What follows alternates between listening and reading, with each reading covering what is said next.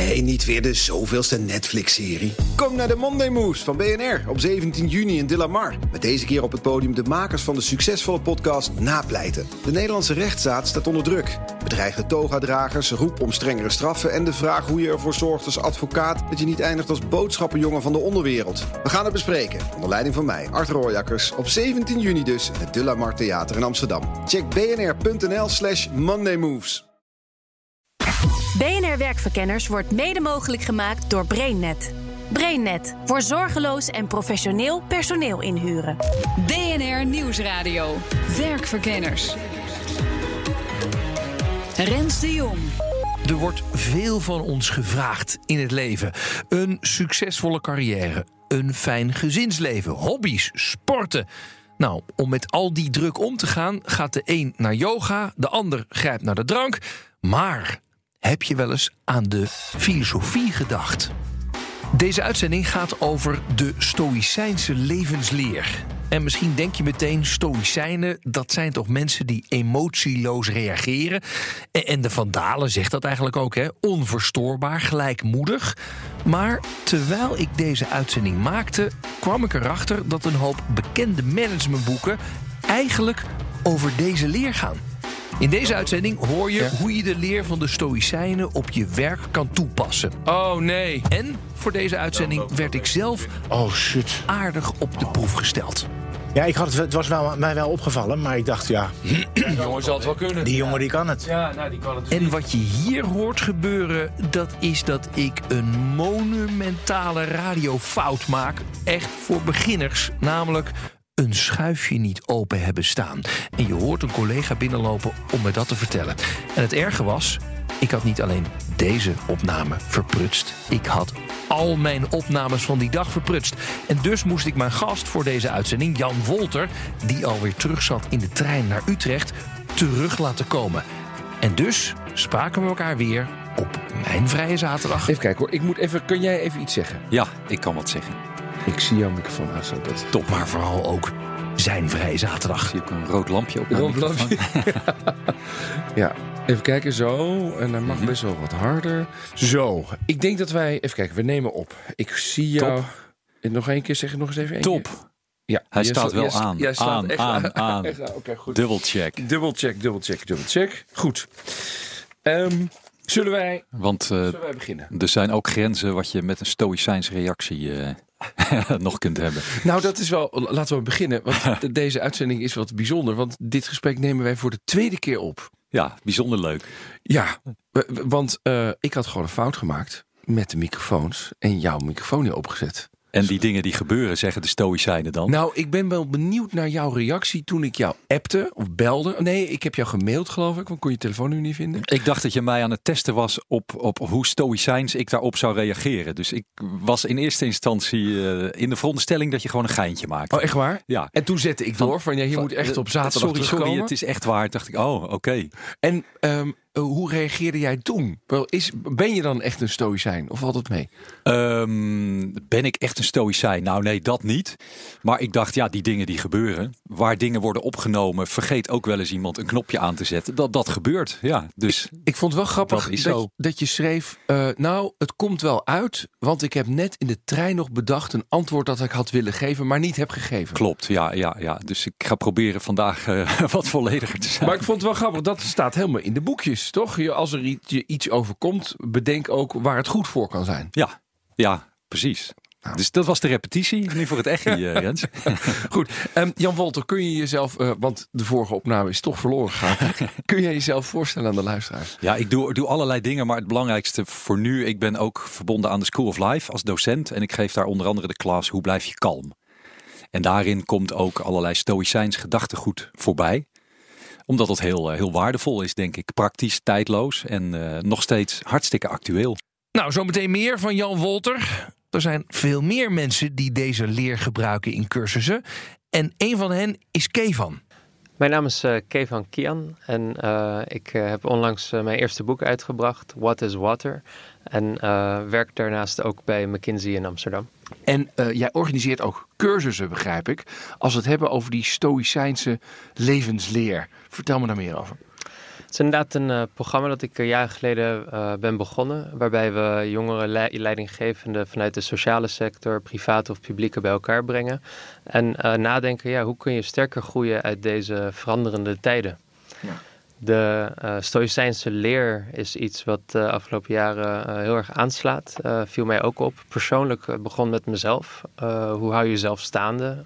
welke manieren van denken kunnen helpen? Maar ik merkte ook eigenlijk dat heel veel anderen daar ook geïnteresseerd in waren. En wanneer is dat dan gekomen bij jou? Um, toen ik in de eerste plaats mijn eerste start-up had, vond ik al heel boeiend om daarover te leren. Maar eigenlijk ook vooral toen ik steeds meer leidinggevende rollen had en verantwoordelijk was voor het dagelijks leven van heel veel mensen en het begeleiden onder ja, toch wel intensieve, lastige vraagstukken. Maar dan kunnen allerlei mensen naar ik zal zelfhulpboeken gaan zoeken of wat dan ook, maar jij gaat echt naar de, de klassiekers toe. hoe is dat dan gekomen? Deels uh, opvoeding vanuit thuis. Uh, op school uh, ook de kans gehad om Latijn en Grieks te leren. Maar ik, ik lees toch heel veel. En ik merkte ook dat veel cliënten met wie ik werkte, die zeiden... nou Kevin, ik heb eigenlijk geen tijd of geen zin om een heel weekend in de boeken te zitten.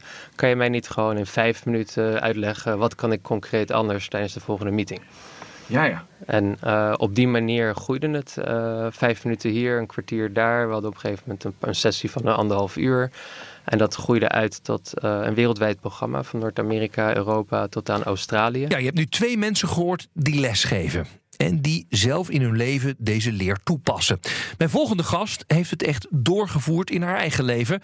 En hoewel ze zelf niet wil beweren dat ze 100% volgens de STOA leeft, wat mij betreft komt Corine Jansen een heel end. Ik hou mij in het dagelijks leven voornamelijk bezig met de dialoog in uh, de gezondheidszorg in Nederland. Oh, en wat doe je dan precies? Uh, ik uh, luister. Ik luister naar levend verhalen van mensen en ik geef lessen aan artsen en verpleegkundigen hoe ze beter kunnen luisteren naar patiënten om uiteindelijk betere zorg te kunnen bieden. Oh, wauw. Hey, maar we hebben jou uitgenodigd omdat we het wilden hebben over de Stoïcijnse levensleer. Klopt. Gebruik je dat in je dagelijks werk of niet? Nou, ik geloof niet dat ik het bewust in mijn, in mijn dagelijkse werk gebruik. Maar ik gebruik het eigenlijk in mijn hele leven. Okay. En soms heb ik niet meer echt door. Um, wat nou geïnternaliseerd is of wat nog niet. Dus het is een onderdeel van mij. Maar ja. ik ben het niet volledig, moet ik meteen wel zeggen. Ja, ja. Hey, kun jij uitleggen wat dat precies is? Want bij Stoïcijnse levensleer denk ik meteen aan... wat een Stoïcijn is die man. En dat is gewoon geen gevoel, reageert op niks, et cetera. Dat is niet het beeld dat ik van jou nu heb. Nee, dat is ook niet waar stoïcisme eigenlijk over gaat. Stoïcisme kent ontzettend veel uh, verschillende uh, invalshoeken... Um, maar wat ik, ik kan uitleggen wat voor mij het meest belangrijke eigenlijk is, is dat je de hele dag door in je werkje kunt afvragen: wat heb ik eigenlijk niet onder controle en wat wel? -hmm. En dat woord, dat stoïcijns, waar iedereen het over heeft, dat gaat natuurlijk over emoties. Waarbij de, de, de school van de Stoa eigenlijk zegt: um, je kan altijd, in welke omstandigheid je ook terechtkomt, kiezen hoe je ergens op reageert. Mm. Waarbij zij ervan uitgaan dat je uh, woede. Uh, ja, woede leidt eigenlijk tot niks. Jaloezie is een emotie die eigenlijk tot niets leidt. Dus je bent heel veel van je tijd in je leven ja, eigenlijk aan het besteden aan dingen waar je eigenlijk geen controle over hebt. Mm -hmm. En de STOA gaat erover dat je wel controle hebt over je emoties. Dus hoe reageer ik ergens op? Hoe reageer ik erop als ik geen opslag krijg? Hoe reageer ik erop als ik die functie niet krijg die ik zo graag zou willen hebben? Dat je de baan niet krijgt. Dat is dan een vaststaand gegeven. Maar hoe je erop reageert, daarvan zegt de STOA, daarin heb je een keuze. En dan gaat het stoïcisme ervan uit dat je dat in alle redelijkheid moet doen. Um, dus heel goed moet kijken, wat kan ik eigenlijk verwachten? Maar ook dat je er van tevoren al van uit moet gaan dat dingen um, slechter kunnen uitpakken dan je misschien denkt. Oh. En daar bereid je eigenlijk al voor op wat wij zouden zeggen, nou het ergste. En tegelijkertijd betekent dat het als het ergste ook gebeurt, wat niet altijd zo is natuurlijk, je een veel betere en rustigere reactie kunt geven. Ja, en dit vind ik dus een heel fascinerend punt hè, van die Stoïcijnse levensleer. Rekening houden met het allerergste, want dat klinkt zo negatief. Ik besprak dat met Jan Wolter van de School of Life. Een van de dingen die eh, de Stoïcijnen ook zeggen is, ja, moet ik het zo zeggen, be- bereid je voor op het ergste. Klopt dat? Eh, ja, houd rekening met het ergste en, en kijk daar niet voor weg. Wat, hoe moet mij dit gaan helpen? Leg mij dit uit. Ja, voor sommigen komt dit in eerste instantie over als een bron van nieuwe onrust, van help worst case scenario's. En Ik, ik denk dat uiteindelijk de, de gedachte daarachter ook is, besef dat als het ergste gebeurt, eh, misschien nog wel erger dan je had verwacht, het gaat dus niet zoals je had verwacht, ga daar maar vanuit, dan kom je er toch wel weer overheen. En dat is een soort, soort optimisme in het stoïstische gedachtegoed. eh, die, die ook verwijst naar de veerkracht die wij hebben. Als ramp X gebeurt, kom je er wel weer overheen. Vertrouw erop dat je die veerkracht hebt. En ga er dan maar toch vanuit dat dingen heel anders lopen dan je had verwacht. Maar uiteindelijk kom je daar wel weer overheen. Je kunt ermee leven. En het, het heeft ook iets van relativering in zich. In, in mijn klas zit ook een oefening in echt extreem pessimistisch denken.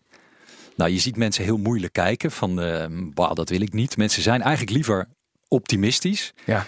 Eh, Pessimistisch, eh, bah, nee. En wat is de opdracht dan precies? Eh, Bedenk een situatie die jou onrust geeft.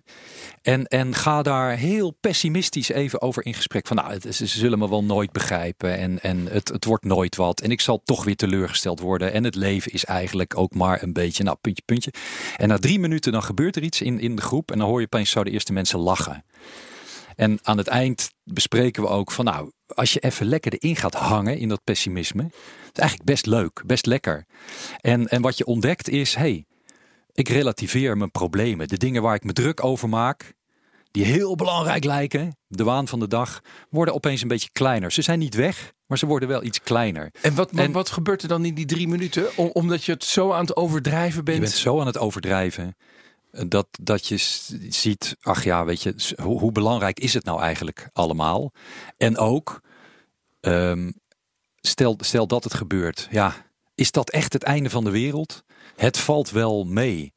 En, en dat is denk ik het goede. Je, komt er wel weer overheen. Weet je, soms kun je zo helemaal vol zijn van als die presentatie mislukt, dan is het einde van mijn leven, einde van mijn loopbaan, einde van alles. Eh, als ik niet weet wat ik wil, dan is het leven nog, nog een hel op aarde. Als, als dit project uitloopt, verschrikkelijk.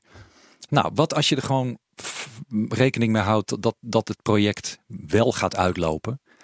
En dat je beseft, ja, weet je, dan, dan is het niet anders. We hebben ons best gedaan. Kijk, als je loopt de lanterfanten, dat is natuurlijk, Ja. dit is geen excuus om, om de boel maar, maar een pas beetje jij, uit pas jij dit zelf ook toe? Ja, absoluut. Waar, waar een voorbeeld uit het verleden? Nou, ik heb het dus uitgeprobeerd bij de eerste try-out die ik had voor de klas. Hoe blijf je kalm? Daar zaten ook wat, eh, wat elementen in waarvan ik dacht, nou, ik weet niet of dit gaat werken, maar dat, dat, dat moest er in eerste instantie in. En vond ik heel spannend. En onderweg naar die try-out lopend dacht ik, stel dat mensen me aan zitten te kijken van, ah, hier snap ik echt helemaal niks van. Ik heb me zo goed voorbereid en, en ze willen dit niet horen of ze worden boos of, of ze lopen weg. Of ze snappen het echt niet, ondanks dat ik zo mijn best doe om het uit te leggen. En toen dacht ik, ja, wat, wat als dat helemaal mislukt? En, en ik word echt uitgefloten en ik krijg in de evaluatie een 2. Eh, Weet je, is dat het nu einde? al om lachen, ja. Is, is, dat het, is dat het einde van, van mijn leven? Moet ik dan opzeggen als docent bij de School of Life? Nee, dan, dan ga ik naar buiten. En dan pak ik de metro in de trein en dan ga ik naar mijn vrouw en naar mijn kinderen. En de volgende dag sta ik weer op en het leven gaat gewoon weer verder. En het, is dan, het was inderdaad niet de allerleukste try-out. Wel een hele leerzame try-out. Eh, maar we hebben daardoor heel veel dingen verbeterd. En bij de try-out zelf, ik stond er wel rustiger. Het relativeert. Oh ja, wat, wat, wat kan nou eigenlijk misgaan? Ja. Maak het nou niet zo vreselijk zwaar en groot en belangrijk. En hou er een soort losheid in en relativering in. Een ander heel belangrijk punt van de Stoïcijnen is: maak je alleen druk over hetgeen waar je ook echt wat aan kan doen. Je hoorde het net al eventjes bij Corine. En dat is iets wat zij ook echt in de praktijk heeft gebracht. Zometeen hoor je daar meer over. BNR Nieuwsradio. BNR Werkverkenners. Deze werkverkenners gaat over de Stoïcijnen. En een belangrijk punt in die leer gaat over waar heb je invloed op en waar heb je vooral geen invloed op. Nou, ik denk dat er veel dingen zijn, uh, ook in mijn leven, waarvan ik dacht, nou, die, die kant ga ik op, of die kant ga ik op, of dit wil ik heel erg graag. Een, mooi voorbeeld, denk ik, uh, voor mijzelf was dat ik tot 2014 echt dacht, nou, de wereld ligt nog aan mijn voeten en ik kan alles doen. Ehm, en toen werd ik op een gegeven moment door een arts gebeld. Die zei nou, je hebt een auto-immuunziekte. Um, wat jij allemaal van plan was, weet ik niet meer. Maar volgens mij moet het anders. Dat was eigenlijk de zomer. Dat was de zomer van 2014 dat ik dacht. Oké, en hoe moet ik hier nu mee omgaan dan voor mijn werkzame leven? Dan kun je heel erg down worden uh, en, en neerslachtig. En ik dacht, daar moeten de filosofen over nagedacht hebben. Oh ja? ja? dat dacht ik meteen. En toen ben ik eigenlijk vrij snel uitgekomen bij Marcus Aurelius, een van de, de, de Stoïcijns filosofen. En daarin was. Even, even Marcus Aurelius, die ken ik als uh, uh, een van de machtigste mannen in Rome, toch? Ooit. De, de, ooit. ooit ja, Is het, hebben we het over We deze het Marcus over Aurelius? Deze Marcus Aurelius, ja. ja. precies. En Marcus Aurelius heeft een fantastisch handboekje gemaakt, zijn over pijnzingen. Uh, en dat boekje dat ben ik gaan lezen. En eigenlijk in die vakantie dacht ik, ja, Um, Oké, misschien kan ik dit werk dus niet meer doen. En misschien kan ik dan nooit meer bereiken wat ik had willen bereiken. Maar de vraag is of dat wel zo is. Kan ik het niet op een andere manier gaan insteken? En ik heb toen op dat moment besloten om mijn um, baan uh, bij, bij een ziekenhuis op te geven en als zelfstandige verder te gaan. Niet vanuit een zwakte, maar juist vanuit mijn kracht. Want ik dacht, er zijn natuurlijk een heleboel dingen die ik nog wel kan, alleen misschien niet meer in het tempo waarin dat eigenlijk in mijn sector wel gewend was. En ik heb die dag. Um, nou, de, mijn baan opgezegd. En samen met mijn partner een fles champagne opengegooid. Eigenlijk heel raar, want het Hm. zou een sombere dag moeten zijn. En dacht van, ik ga het gewoon anders aanpakken. En dat ben ik gaan doen. Um, en eigenlijk is mijn leven er alleen maar leuker van geworden. Ja. Nou, dit is een hele concrete manier om de leer van de Stoïcijnen in te zetten. Nog één van Kevan. Die werkt bij McKinsey. En hij begint met een oud verhaal. Dat is een uh, beroemd verhaal van uh, Diogenes, waarbij Alexander de Grote een dag langskomt en die zegt: uh, Nou, ik heb zoveel goeds over jou gehoord. zeg maar wat je wil, ik breng elke wens in vervulling. Klinkt fantastisch. En het verhaal gaat dat Diogenes opkijkt en ze vraagt: Nou, als ik één wens zou hebben, is, zou je iets meer naar links kunnen gaan, want je staat in mijn zon. en dat is een verrassende, verrassend antwoord. Maar dat is ook wel heel erg het besef van waar word je nou echt blij van? Mm. En het is heel makkelijk om allerlei dingen aan te leren vanwege marketing of reclame of allerlei andere dingen van uh, uh, daar zou je blij van kunnen worden. Maar hoe goed weet je dat van jezelf? En hoe pas je dat zelf dan toe? Want, want we worden de hele dag beïnvloed. Ik weet bijna niet eens meer waar ik echt blij van word en waar ik aangeleerd blij van word. Klopt. Um, en iets wat de oude Stoa heel erg deden, was aan het eind van de dag of op een bepaalde momenten terugblikken. En is de dag gegaan zoals ik had verwacht? Uh, ik dacht dat ik hier blij van zou worden om inderdaad uh, een wandeling maken buiten tijdens de lunch. Hoe was dat voor mij? En zo gaandeweg uh, dat beter voor jezelf te leren. En dat we zeggen, nou, we weten allemaal dat positiviteit heel belangrijk is, ook zeker in moeilijke tijden op werk. Maar hoeveel van die dingen waar je echt blij van wordt, laat je aan toeval over. Mm -hmm. In de hoop dat die vanzelf gebeuren, dat iemand aan je deur klopt uh, en dat voor jou verzorgt. En hoeveel neem je initiatief? Ja, ja, want het is vaak zo natuurlijk. Uh, als je hard aan het werk bent, al de leuke dingen schuif je een beetje opzij, toch? Als je een wandeling belangrijk vindt, uh, dan doe je dat op de rustige dagen, niet op de drukke dagen. Bijvoorbeeld, het is altijd een kans om te zeggen, nou dat doe ik later of doe ik dus misschien niet, komt niet goed uit. Maar uh, als jij vijf minuten een goede clip kan zien, een comedy clip waar je helemaal van bijkomt en daardoor weer heel creatief verder kan gaan.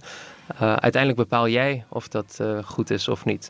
De vraag is meer, ga je wachten tot dat clipje vanzelf langskomt of neem je zelf initiatief daarvoor? Maar ook heel belangrijk als leidinggevende, heb je, hoe goed weet je dat van de mensen om je heen? En neem je niet per ongeluk misschien aan dat datgene waar het jou blij maakt, automatisch de anderen om je heen blij maakt. Hm. Als je een team-event organiseert en jij vindt het fantastisch om te lasergamen, nou, hoe graag willen de anderen dat misschien ook? Of als jij graag tijdens de lunch een wandeling wil maken, hoe graag willen de anderen dat ook? En dat is ook iets waar de STOA veel over nadachten. Uh, niet alleen bewust worden van jezelf, maar ook van de mensen om je heen en de omgeving waarin je zit. Nou, andere les is: uh, richt je op taken waar je energie van krijgt en niet op de taken waarvan je uitgeput raakt. Klinkt heel logisch dit, maar waarom moet je dit er zo inbrengen bij mensen? Klinkt heel logisch, maar ook uh, dat is iets wat tijd nodig heeft om wat van jezelf echt te begrijpen. En de om, je omgeving die heeft misschien uh, door waar je wel goed in bent. Dus dan zeggen ze, nou uh, je bent zo goed in dit en dat. volgende week mag je daar meer van doen. Ze denken dat ze je een gunst doen. Maar alleen jij weet van, hey, krijg ik daar nou energie van of kost het me energie?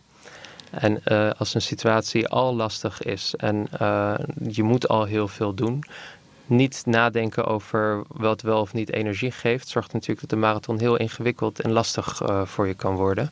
Dus misschien zijn er meerdere wegen die naar Rome leiden. Maar soms is het natuurlijk voor anderen. Is het niet echt een argument van, joh, wil jij dit doen? Ja, ik krijg er niet echt energie van. Klopt, het is ook niet een excuus om uh, natuurlijk je werk niet uh, te doen. Maar uh, bijvoorbeeld, je moet een groep mensen overtuigen en je bent niet zo goed in het spreken in het openbaar. Nou, je kan daar je heel erg op richten. Nou, dat bepaal je uiteindelijk zelf.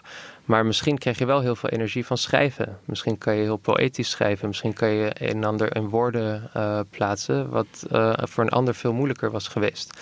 En kan je hetzelfde doel bereiken, maar misschien ook met een andere vaardigheid. Mm -hmm. En daar gaat het om. Ja.